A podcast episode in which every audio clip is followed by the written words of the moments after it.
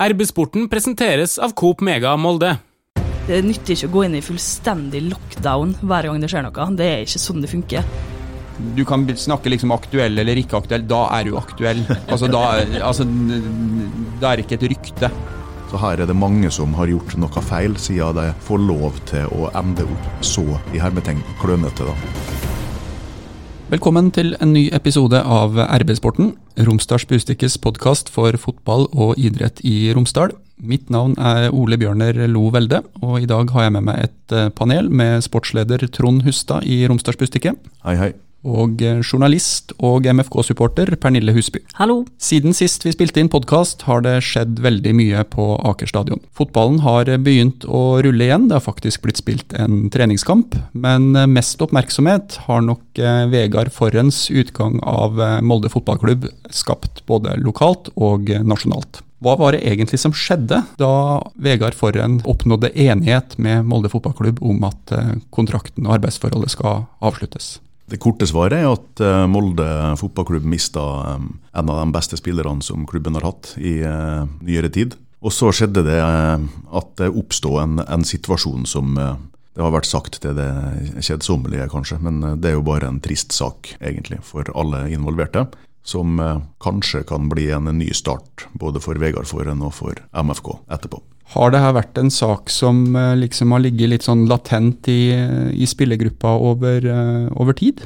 På tross av alle de dumme tinga som Vegard Forhen har gjort opp gjennom åra, som han er mer enn eh, klar over sjøl, mer enn noen andre. Altså, på tross av alle de feilene han har gjort for sin egen karriere, da, så har han jo vært en bauta, en legende. Han har vært en fantastisk eh, fotballspiller og en fantastisk person for Molde fotballklubb. Det er nok en, eh, sånn langsom, selvpåført eh, avskjed, der det kanskje var en liten dråpe i et beger til slutt for enkelte i, i, klubben. Avgangen har jo skapt eh, sterke reaksjoner. Hvordan har denne saken prega supportermiljøet rundt fotballklubben, Pernille? Nei, det har eh, vært eh, ganske mye uenighet innad i Tornekrattet. Styret i Tornekrattet gikk jo veldig hardt ut da det her blei kjent først, da man begynte å spekulere i om Vegard kom til å eh, måtte gå. Og De fikk veldig mye støtte fra andre supporterklubber, men innad i Tornekrattet så har det vært delt. Det er jo ingen som ikke støtter Vegard. Vegard er jo, som Trond sa, største, en av de største legendene i klubben, og en knakende god fyr. Som eh, er den spilleren som kanskje også står Tornekrattet nærmest, eh, med sin artige karakter og sin åpenhet og sin eh, pratevilje og ja, sine litt humoristiske påfunn både på og utafor banen. Da snakker jeg ikke om alvorlige hendelser, altså, men han er jo en artig kar. Så jeg tror nok at det her har vært veldig opprivende for veldig mange. da. Mange sier jo nå at de er ferdig med MFK og vil ikke gå på kamp igjen, mens andre kanskje ser en ny start for Tornekrattet. da. Hva tror du det er som gjør at folk reagerer så, så sterkt? Er følelser. Eh, følelser knytta til en spiller som har vært her i 13 år, og som betyr veldig mye for alle i klubben. Han har vært med på alt, han har vært der hele tida. Og han er en fyr som veldig mange er veldig glad i. Og da blir det tøft, og det blir sterke følelser. Man blir sint og opprørt og lei seg. For det er jo på en måte i bunn og grunn bare tragisk. Uansett hvordan man vrir og vender på det, så er det tragisk. Han har en sykdom, en alvorlig psykisk lidelse, som har ført til at han ikke lenger jobber for MFK, og det er kjempetrist. Altså Det er den personligheten der, da. Absolutt. Det er den måten Pernille beskriver Vegard Forhen på, som gjør at alle dem som er opptatt av MFK, er glad i eh, fyren. Det handler jo om eh, at han rett og slett bare er seg sjøl. Mm. Han representerer noe som er ekte og eh, litt autentisk. Altså Han er så åpen og direkte og ufiltrert og ærlig i all sin kommunikasjon. Liksom I alle retninger. Og det er det, tror jeg, som har skapt egentlig den her voldsomme sympatien, da, mm. der Vegard får en uavhengig av hva folk vet om sakskomplekset eller detaljene, eller hva de måtte mene om det, så um, blir han sett på som et slags offer mm. eh, hos veldig mange, og får en eh, stor sympati. da, som Den sympatien er fortjent, for den har han jo på en måte bygd opp eh, retten til å få. Og Det er det som er det største tapet eh, i mitt hode, sjøl om Vegard har vært en klassespiller på MFK i Europa, på landslaget, opp gjennom tida så er det største tapet nå, eh, de neste årene eh, som han skulle hatt igjen i kontrakten sin, det er at du mister den stemmen der. Den profilen. Han som tør å si akkurat det han mener til en journalist. Som ikke er glattpolert eller eh, innpakka eller forma, sånn som alle andre. Men sportslig sett så kan dette her være positivt, for han kommer til å få spille mange flere eliteseriekamper i Brann eller et annet sted i Norge enn han hadde kommet til å fått gjort i Molde kan vel på mange måter kanskje si at Vegard Forren er en uh, fotballspiller som har kvaliteter på fotballbanen som de færreste supportere har vært i nærheten av, men de føler seg likevel litt liken, fordi at de kan identifisere seg med personen. da, og Det med, med spilleavhengighet tror jeg også spiller inn i, den, uh, i det bildet, fordi at uh, jeg tror mange ja, kjenner noen eller vet om noen som har vært i en form for avhengighetssituasjon, og de vet at uh, de menneskene først og fremst trenger hjelp og, og, støtte. Og når du da føler en slags tilknytning til personen da, gjennom det han har gjort på fotballbanen og det han har betydd for uh, en fotballklubb, så tror jeg at det spiller inn på den reaksjonen som, som man får. Og personlig så tenker jo jeg også det at et veldig godt utfall av den saken her er jo at kunne jo vært at Vegard Forhen og Molde fotballklubb hadde funnet ut av det her sammen. Og så kan det være elementer i denne historien som gjør at det rett og slett ikke er mulig. Og Det, det er litt, føler jeg er litt sånn vanskelig å sitte og, og spekulere i. Men et, den glade slutten på denne historien hadde jo, hadde jo, vært det. At de liksom hadde gått sammen om å, om å, rydde opp. Og så av en eller annen uh, årsak, da, som jeg føler fortsatt ikke er helt oppe i dagen, så, så har de konkludert med at det ikke var en farbar vei.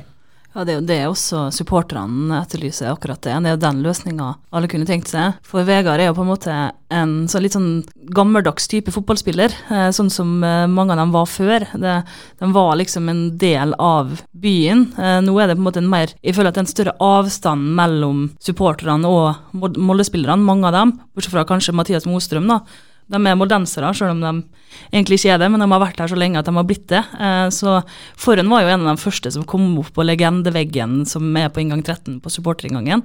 Og han eh, har en helt spesiell rolle. altså Det er kanskje det er Daniel eh, Bergestad, Magne Hoseth og Vegard Forhen. Kanskje også i den rekkefølgen. Det er ikke rart at dette her har skapt så mye engasjement. Folk har vært kjempelei seg og folk har lagt ut bilder av Forhen-drakta si og delt masse minner. og nei, Det blir kjempe, kjemperart å ikke skulle ha Vegard Forhen eh, på MFK. Sier han i en annen drakt. Men på en liten del av meg håper at neste gang, eller at han finner seg en klubb i Eliteserien, kommer til Molde og får sin revansj. Den, det tapet skal jeg ta.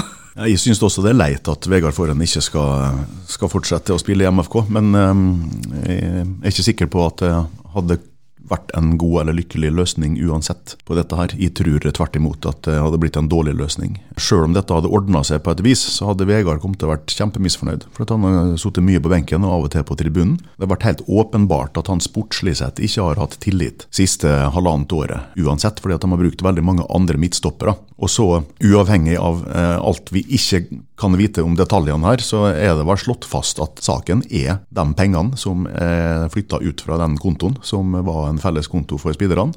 Og da blir det jo til slutt sånn at det er Vegard Forhen som har tatt ut disse pengene der. Det er ingen andre som har gjort det.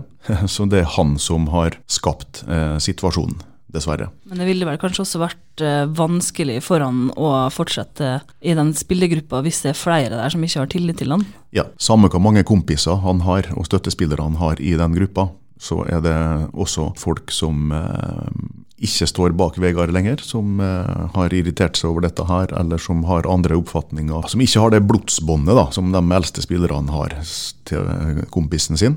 Og det skjønner jo alle som har drevet med fotball, at eh, hvis det miljøet der er forsura eller delt, så er det jo ødeleggende for produktet, alt de jobber for, det sportslige. Da vil det forstyrre treninga, det vil forstyrre kampene, uttak.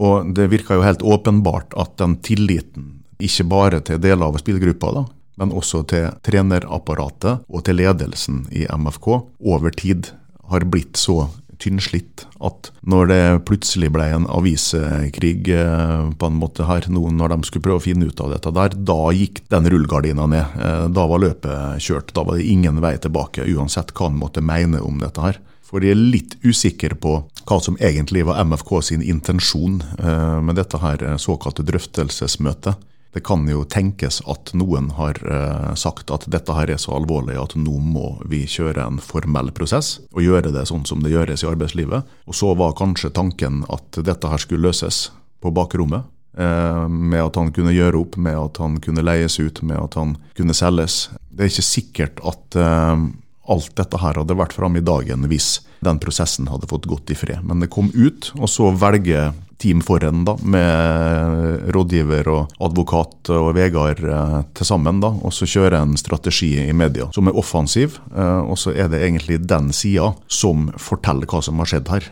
Og Det er derfor jeg er veldig forsiktig sjøl i alle sammenhenger når jeg blir spurt om dette her, med å dømme. For jeg sitter med inntrykket av at vi har hørt den ene advokaten. Og hvis du er jury, så kan du ikke felle en dom før du har hørt den andre sida. Og det får vi aldri gjøre. Hei, Hilde her, fra Coop Mega Molde. Kom innom og se vårt store brede utvalg av mat fra lokale produsenter. Vi har også gavepakker til den som har alt. Velkommen til Coop Mega Molde! Det som jeg tar med fra den diskusjonen som, eh, som, vi har hatt rundt bordet her nå, er jo egentlig to ting. Det ene går på, på tillit, og hvordan tillit eller mangel på tillit spiller inn i et uh, arbeidsmiljø eller prestasjonsgruppe, da, som et, uh, et, fotballag. Det andre, som kanskje er litt underkommunisert, men som jeg uh, også tror er et element av den historien, er det du nevner om det sportslige. For Vegard Forhen er krystallklar på at han bør være i elveren. Vi hadde han som gjest her i, i RB-sporten, en episode som jeg vil anbefale lytterne om å, om å høre gjennom på nytt. Men der sier Vegard Forheim veldig tydelig at han vil, vil, spille fotball. Han liker ikke å være på benk. Han liker ikke å bli satt på tribunen. Og den situasjonen som man på mange måter hadde satt seg sjøl i, da, den krevde en tålmodighet, tror jeg. da. For at jeg har sett eksempler på fotballspillere som har gjort verre ting enn det Vegard Forhen nå har gjort, og som har kommet tilbake i sin egen klubb, men det har tatt tid. De har liksom ikke kunnet gått inn og, og, og, spilt fotball eh, etter ei uke, to uker, tre uker, eh, men det har tatt kanskje opp mot et halvår. Men da har de jo fått den der eh, enorme legendestatusen når de viser på mange måter at de har klart å jobbe seg gjennom det. Og spørsmålet som jeg føler er litt ubesvart, er om hva på en måte partene motivert for det? Kunne, det? kunne det blitt en løsning? For hvis det ikke er det, så er det lettere å forstå det som, som man faktisk landa på. Fåren har jo hatt klippekort fra 2008, han egentlig, på, på elveren til Molde. Han har jo vært så utrolig god og fantastisk stabil. Aldri skada. Spilte nå, sjøl om han var skada. Lata som ingenting. Eh, tøffing uten sidestykke med veldig høy smerteterskel. Sånn at det er den måten han kan være god på noen få ganger før òg. Han har vært litt sånn ute av laget. Han er krystallklar. Han, han, sa det for to år siden, han sa det for tre år siden. Jeg skal spille. I mitt hode så er Molde best når jeg er på laget, i den posisjonen. Og Det mener han, og det skal han få lov til, fordi at han har gjort så mange hundre gode kamper der. Men uh, nå er Vegard 32 år, og uh, på alle nivå i fotball så vil den uh, spilleren med det største talentet helt til et visst punkt i toppidretten i dag. Og Det er så små marginer og så knallhardt, og, det er så høyt tempo, og det er alt er i utvikling og alt forandrer seg. Sånn at den tida er forbi. ikke sant? Nå kan ikke Vegard bare være så god lenger og så spille alle kampene, fordi at han er den han er. fordi at det, alle disse her fantastiske egenskapene hans da også fører til at han har tatt den eh, ekstra festen han har spist, den hamburgeren som han lagkameraten eh, ikke spiste. Han har alltid trent litt mindre enn de andre. Og han har trent litt lavere intensitet, fordi at han har vært så jævlig god at det har gått bra. Men nå går ikke dette der lenger. Og han er mer enn god nok til å spille eliteserie. Han kan godt hende at han kan spille fast på Brann eller eh, Kristiansund eller hva det skulle være. Absolutt, i flere år til. Men Molde fotballklubb er beste laget i Norge, mest profesjonelle laget i Norge, det best trente laget i Norge. De skal spille Champions League-kvalifisering, og da er det dessverre ikke godt nok, Vegard, til å ha fast plass lenger. MFK-direktør eh, Ole Erik Stavrum beskrev eh, denne prosessen som eh, noe som virkelig har fått opp øya på det her med, med, gambling, og hvor mye det kan påvirke en person, og også hvordan det mm, preger eller tar plass i fotballen. Er vi overraska over det som er kommet fram i, den, i denne saken, og hvor viktig er det for toppidretten at en profilert fotballspiller står fram og er åpen om hva det her kan føre til? Ja, Det er kjempeviktig, eh, og det er ikke bare viktig for toppidretten, det er viktig for alle. Det er viktig for mannen i gata, som sliter med akkurat det samme, å se at eh, en profesjonell fotballspiller også kan gjøre det, en som er best i noe. Og jeg er egentlig litt overraska over at Stavrum er overraska, for det at eh, alle har jo visst veldig lenge at Forhen har spilt. Klubben hjalp han vel også i 2015, det er fem år siden. Og, men samtidig så er spilleavhengighet noe som har blitt litt flåsa bort. Man har ikke tatt det på alvor.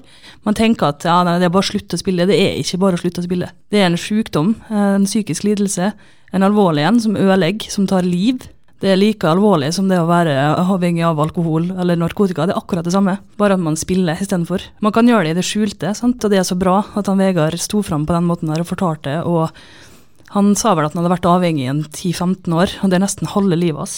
Men eh, når du beskrev den vinnermentaliteten hans i stad, Trond, så tenker jeg at den får han bruk for nå. For jeg har klokketro på at Vegard Forhen skal komme seg gjennom det. Han har masse bra folk rundt seg, folk som støtter opp om han. Han har eh, et stort nettverk.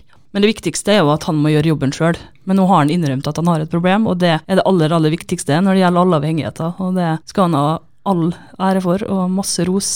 Han er knalltøff, syns jeg. Jeg er helt enig. Det kommer til å kreve mye, sikkert. Og det er vel fortjent, all skryten Vegard Forhen får fra, fra, ulike hold for å stå fram og være et ansikt og en klar stemme. At en sånn profil tør å gjøre det.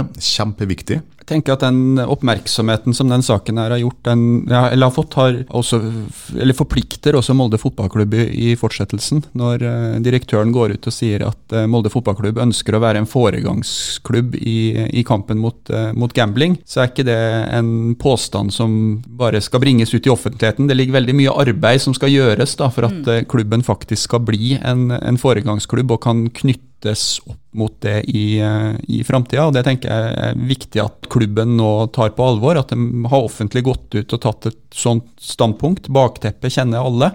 og Derfor er det veldig viktig at de, at de gjør den jobben ordentlig. Jeg synes det er veldig positivt at Ole Erik Stavrum eh, er så tydelig og klartenkt og offensiv, da, eh, synes de bare kort tid etter at denne saken her oppsto. Han har tatt kontakt med Per Ivar Staberg i den frivillige organisasjonen Bortekamp, som for to år siden begynte på det prosjektet med Ørjan Hopen, altså den første eliteseriespilleren i, i Norge som sto fram med dette problemet her.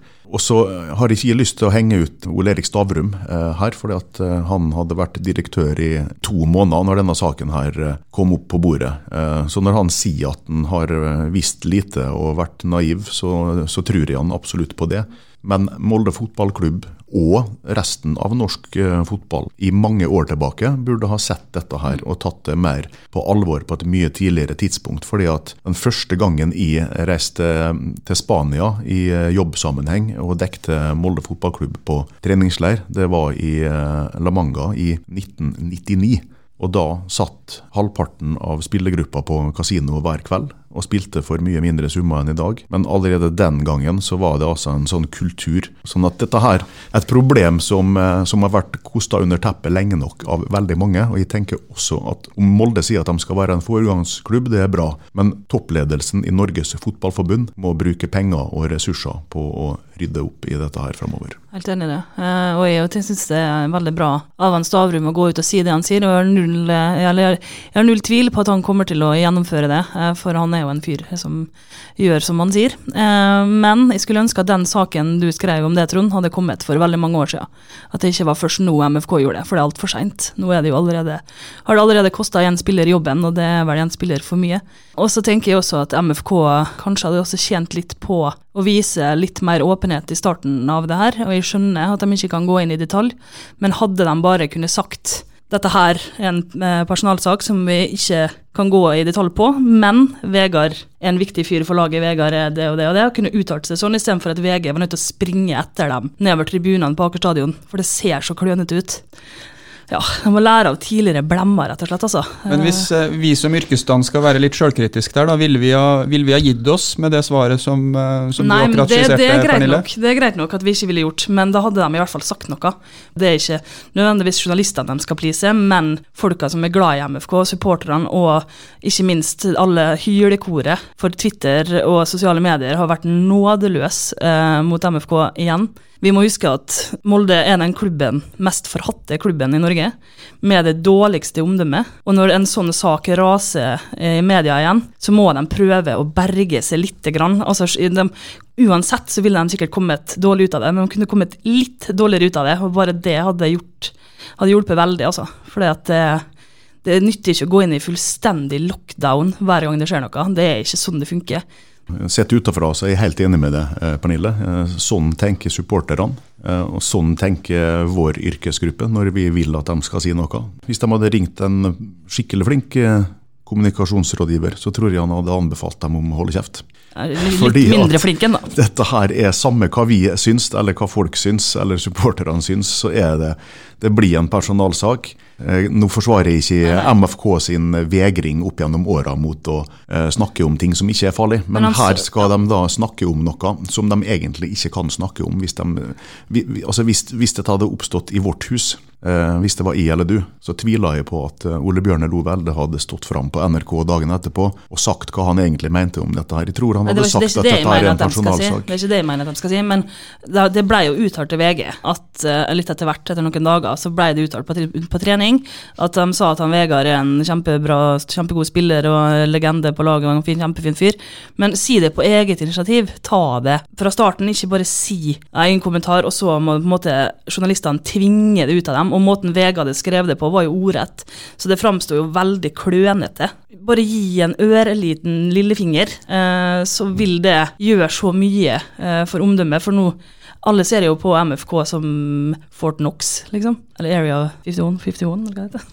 Vi skal ikke sitte her og, og forsvare Molde fotballklubb, eh, selv om det eh, kanskje kan oppfattes slik. da. Vi er ofte mer enn kritisk mot kommunikasjonsstrategien der de siste 10-15 åra. Men eh, Sånn som jeg ser dette her eh, fra sida, så, så, kan jeg ha en forståelse for at de velger den strategien der. For det ser ut som at klubben har forsøkt å ha et eh, personalmøte med en eh, ansatt. Og det kan hende at de hadde tenkt å bruke det, den dialogen til å få en annen løsning her, som ikke ble en offentlig debatt. Så ser det også ut som at de da blir litt overraska når den ansatte rett etter møtet står fram i media og innrømmer det som kan være et lovbrudd. Og hvordan eh, arbeidsgiveren da skal respondere på det, om de skal kommentere på det, om eh, det er hensiktsmessig. og Det er kanskje derfor de sier at av hensyn til klubben og av hensyn til Vegard, så kan vi ikke. Dette her tror jeg var noe som MFK egentlig ikke hadde tenkt å snakke om i det hele tatt. eller slippe ut. Burde man ikke forutsette at det kom til å skje? Jeg tror ikke. At han kom til å innrømme det? Ja, det ble kjent, og at han kom til å altså. Det var veldig overraskende for mange, det, ja. Men eh, hvis, hvis, denne saken hadde blitt løst på en annen måte, så hadde dette her aldri kommet på bordet. Det er der eh, min største innvending kanskje ligger, da, i at uh, uten å kjenne detaljene, da, så, så, så virker det som det går lang tid. Ja. Eh, og eh, da kommer du i en litt vanskelig situasjon når den saken plutselig smeller i media, sånn som, sånn som den gjorde. Og jeg er litt usikker på kommunikasjonsstrategien akkurat når den smeller. Jeg tror, jeg tror man har mer å hente på de tre månedene før den kommer ja. i media, enn akkurat det handlingsrommet Molde fotballklubb har når saken kommer opp. Der er jeg helt enig med deg. Eh, det, det, det, er helt åpenbart. Eh, for dette her kommer tydeligvis opp i slutten av februar. Og eh, så vidt vi vet, så er det første møte mellom partene 3. mars. Så er det gjentatte møter utover der det blir lagt på en måte en plan for hvordan den framdrifta skal være for å løse opp i dette her, og alt det blir fulgt. Og så ser det helt tydelig ut som at det blir et langt opphold der det ikke skjer noe. Og så tar den saken, som eh, forhåndssida påpeker, da, en uventa vending for dem. Av en eller annen grunn som ikke vi eh, kan sitte og vite i dag. Og så tar eh, saken ei uventa vending, kanskje, for ledelsen i MFK etterpå som de ikke var forberedt på. Så jeg tror du er inne på noe vesentlig der, Ole Bjørner. Begge sider burde kanskje ha vært mye flinkere til å kommunisere direkte og åpent underveis. Så her er det mange som har gjort noe feil, siden de får lov til å ende opp så i hermetegn klønete da, i, i offentligheten. Hei, Hilde her, fra Coop Mega Molde. Og Coop Mega Molde finner du alt du trenger til både hverdag og fest. Kom og la deg friste av den lengste ferskvaredisken i Romsdal. Du finner også et stort og bredt utvalg mat fra lokale produsenter. Velkommen til Coop Mega Molde! Nå er Det sånn at eh, det å ha en podkast hvor man skal diskutere Vegard Forhen-saken, det visste vi kom til å, å, å, ta tid. Samtidig så er det sånn at Molde fotballklubb har mista en av sine mestvinnende fotballspillere. En fotballspiller som har gitt publikum på Aker stadion veldig mange gode minner, og egentlig en eventyrlig historie fra et forsmedelig cuptap mot Kiel Hemne som brakte en eh, jeg vil si sjarmerende trønder fra kassa på Rema 1000 til eh, den absolutte toppen i, eh, i norsk fotball. Uavhengig av hva man måtte vene av Forhen-saken og hvordan den har blitt håndtert, så syns jeg det er på sin plass å, å ta noen høydepunkt med, med Vegard Forhens karriere i, i Molde fotballklubb. Jeg vet ikke om du kan starte, Pernille? Det, det jeg syns kommer til å bli trist, da, bare en liten digresjon først. Han har jo den beste, beste supportersangen. Eh, det er Vi har foran, Vegard foran. Jeg tror ikke at du helt forstår. Han er tornekrattets mann, og han tar seg glatt en dram. Vi har Vegard foran. Og ikke skulle synge den, det blir trist. For han har skapt så mye glede bort på inngang 13, der supporterne står. Og blant de største gledene eh, skjedde 30.9.2018. Da spilte vi hjemme mot Rosenborg. Molde var klart best. Det var vel 8-1 i målsjanser. Men den eneste personen som skårte, var også den eneste trønderen på banen. Og han spilte ikke på Rosenborg, men han spilte på Molde.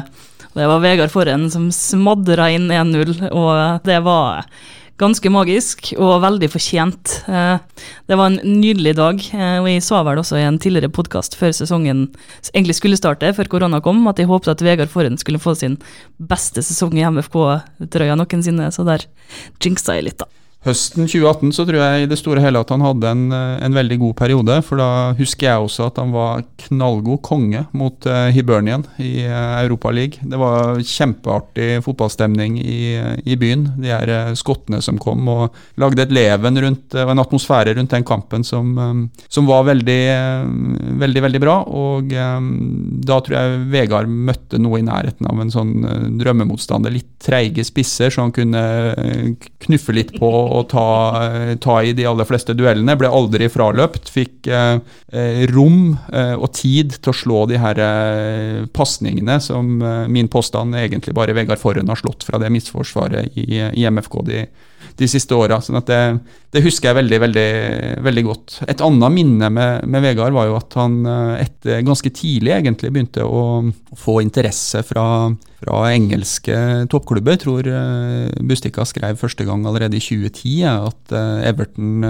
som er mitt favorittlag, da, hadde begynt å, å speide på Vegard. Og to år seinere så, så, kommer jo David Moyes, legendarisk Everton-manager, flyvende inn til Molde i private jet for å se Vegard Forhen mot FCK.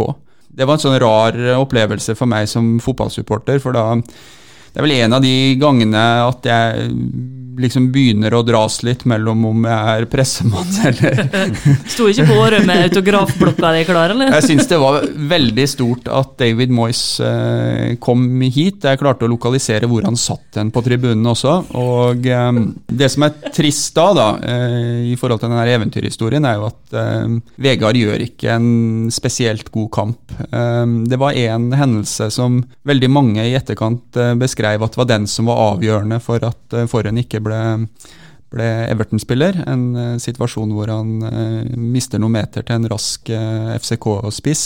Jeg tror ikke det blir mål ut av det, men det var en sånn veldig sånn åpenbar glipp. Men dem som kjenner Everton godt, da, og som har uh, visstnok kunne ha fått David Weir på tomannshånd, sier at Moyes felte dommen før det, og at det gjaldt omstilling. hvor raskt Vegard klarte å snu, rett og slett. Eh, og der, eh, De her FCK-spissene plaga han litt i den kampen, så, så, da ble det aldri Everton. Men det var, det var veldig stort at Moyes kom hit for å, for å, sjekke ut av det. Og det, altså, Du kan snakke liksom aktuell eller ikke aktuell, da er du aktuell. Altså, da, altså, da er det ikke et rykte. Da er, når sjefen egenhendig setter seg i et fly for å, for å se, se det, så tror jeg at du var millimeter unna et uh, karriere i, i, Everton. Og mm. jeg tror uh, kanskje at hvis det hadde skjedd, så hadde Vegard Forhen fått de her Premier League-kampene som han ikke fikk i Southampton og i Brighton. For jeg kan knapt huske at Everton har kjøpt en fotballspiller som ikke har vært på banen. Nei, han har jo vært eh, Det er så fullt av høydepunkt. Det er, Jeg har egentlig gitt opp å prøve å lage noen liste eller trekke ut. Det er så mange små og store ting, da, helt fra eh, Jeg skjønte at eh, altså den famøse cupkampen som vi snakka om med Kiel Hemne, han har jeg jo sett på, på VHS-teip eh, flere ganger etterpå, faktisk. Som vi fikk tak i oppe fra eh, Trøndelag. Eh, og så kom han jo hit eh, midt i sesongen i 2007, og så huska jeg at jeg tenkte at oi, han der kommer til å bli god. Og Det tror jeg var på en bortekamp mot HamKam, der Vegard Forhen spilte venstreback. Og så eh, skjer jo dette her i eh, februar 2008, bare rett etter at han har blitt henta inn som et sånn litt langsiktig prosjekt. Så er det tre midtstoppere som er skada, sånn at Vegard Forhen får spille den første treningskampen i La Manga eh, i sesongoppkjøringa der. Og er banens beste spiller. Og så får han spille den neste, fordi at han ene ble ikke frisk igjen likevel. Og så, siden den dagen, så er Vegard eh, fast på laget i tolv år. Og allerede der var jo da alle disse her speiderne fra masse forskjellige europeiske toppklubber. sånn at fra februar 2008 da, så er Vegard Forhen superhot. Han er alltid spekulasjoner. det Skal han hit, skal han dit? sant? Han lever jo med dette her helt fram til eh, januar 2013, da, når eh, han omsider får dette her eh, rette tilbudet fra Southampton og skal bli Premier League-spiller. Eh, men har da hatt seks uker ferie i Norge, sant? og jeg har ikke den beste fettprosenten på målingene til, til, doktoren borte der i, i, midten av januar. Sånn er det bare. Dette er, er, er faktum. Men trener på, Jobba godt. Husker at jeg reiste bort dit på, på jobb. Besøkte han på trening hjemme, var på kamp. Han eh, satt på benken i februar 2013 eh, hjemme mot Manchester City sitt eh, stjernegalleri. Varma opp eh, hele andre omgang, tok av seg vesten en gang. altså Han var så fryktelig nærme da, en del ganger før han havna litt ut i kulden. og det som du sier, Ole Bjørner, det er synd at han ikke ble kjøpt til Everton der og da. Det er veldig synd at han ikke klarte å bare få en kamp eller to på førstelaget til Southampton, så kanskje han kunne hatt ei karriere der i, i, åtte år etterpå. En del av historien til Vegard Forhen er jo at når han får sjansen, så har han vært sabla flink til å gripe den også. Vegard Forhen er, altså det er noen fotballspillere som er nødt til å spille kamp for å være god. Og det er mange, mange av disse her få spillerne her, de kan være veldig dårlige på trening. Og Det er dette der som er Vegard Forhen er sånn nøtteskall. Han er sånn prototype på dette her. For han kan være skitdårlig på torsdag og fredag, og så er han banens desidert beste på lørdag. Men han må spille for å være god. Det er både fysisk og psykisk. Så er han avhengig av det. Og jeg tror at det er det også som stoppa han litt da, på disse her mulighetene han, han fikk ute. Hvis han først hadde kommet inn på et lag i England på den tida der, og blitt fit, så er det klart at han kunne bare ha spilt der. Altså, han husk på at han har spilt 33 landskamper for Norge. Han var makkeren til Brede Hangeland. Altså, han har møtt Wayne Rooney og Zlatan Ibrahimovic og masse andre superstjerner fra mange nasjoner, og klart seg kjempegodt. Sånn at eh, potensialet til Vegard Forhen eh, altså Han har fått mye ut av karrieren sin, hvis du vurderer det ut fra hvor sunt han har levd, eller hvor mye han har trent, eller hvilken innsats han har lagt ned. Men eh, hvis han hadde vært 100 toppidrettsutøver fra han var 18 år, så kunne han vært en av de største i norsk fotball som kunne spilt i eh, en av de største ligaene i Europa i, eh, i 15 sesonger. Det syns jeg er en sånn eh, vanskelig tankeøvelse, for jeg òg blir sittende og nikke når du, når du prater, Trond. Og så tenker jeg samtidig at den reisen som Vegard Forhen har gjort, da, den er unik. For at uh, han uh, ble henta fra, fra, Kiel Hemne. Jeg tror ikke han hadde aldersbestemte landskamper overhodet før han kommer inn i Molde fotballklubb.